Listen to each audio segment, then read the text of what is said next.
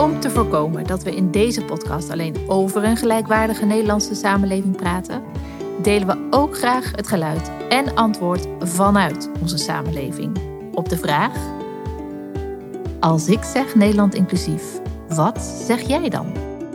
Dat iedereen een leuk leven heeft hier in Nederland. Dat iedereen kan doen wat hij wil. Dat iedereen mee kan doen.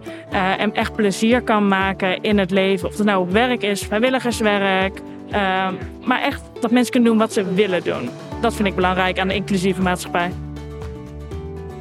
Nou, dat Nederland dat nog niet is, dan denk ik aan dat we niet meer kijken naar hoe oud iemand is als het gaat om werk, maar dat we kijken naar uh, wat heeft iemand voor toegevoegde waarde en dat we eigenlijk een beetje voorbij onze eerste oordelen gaan.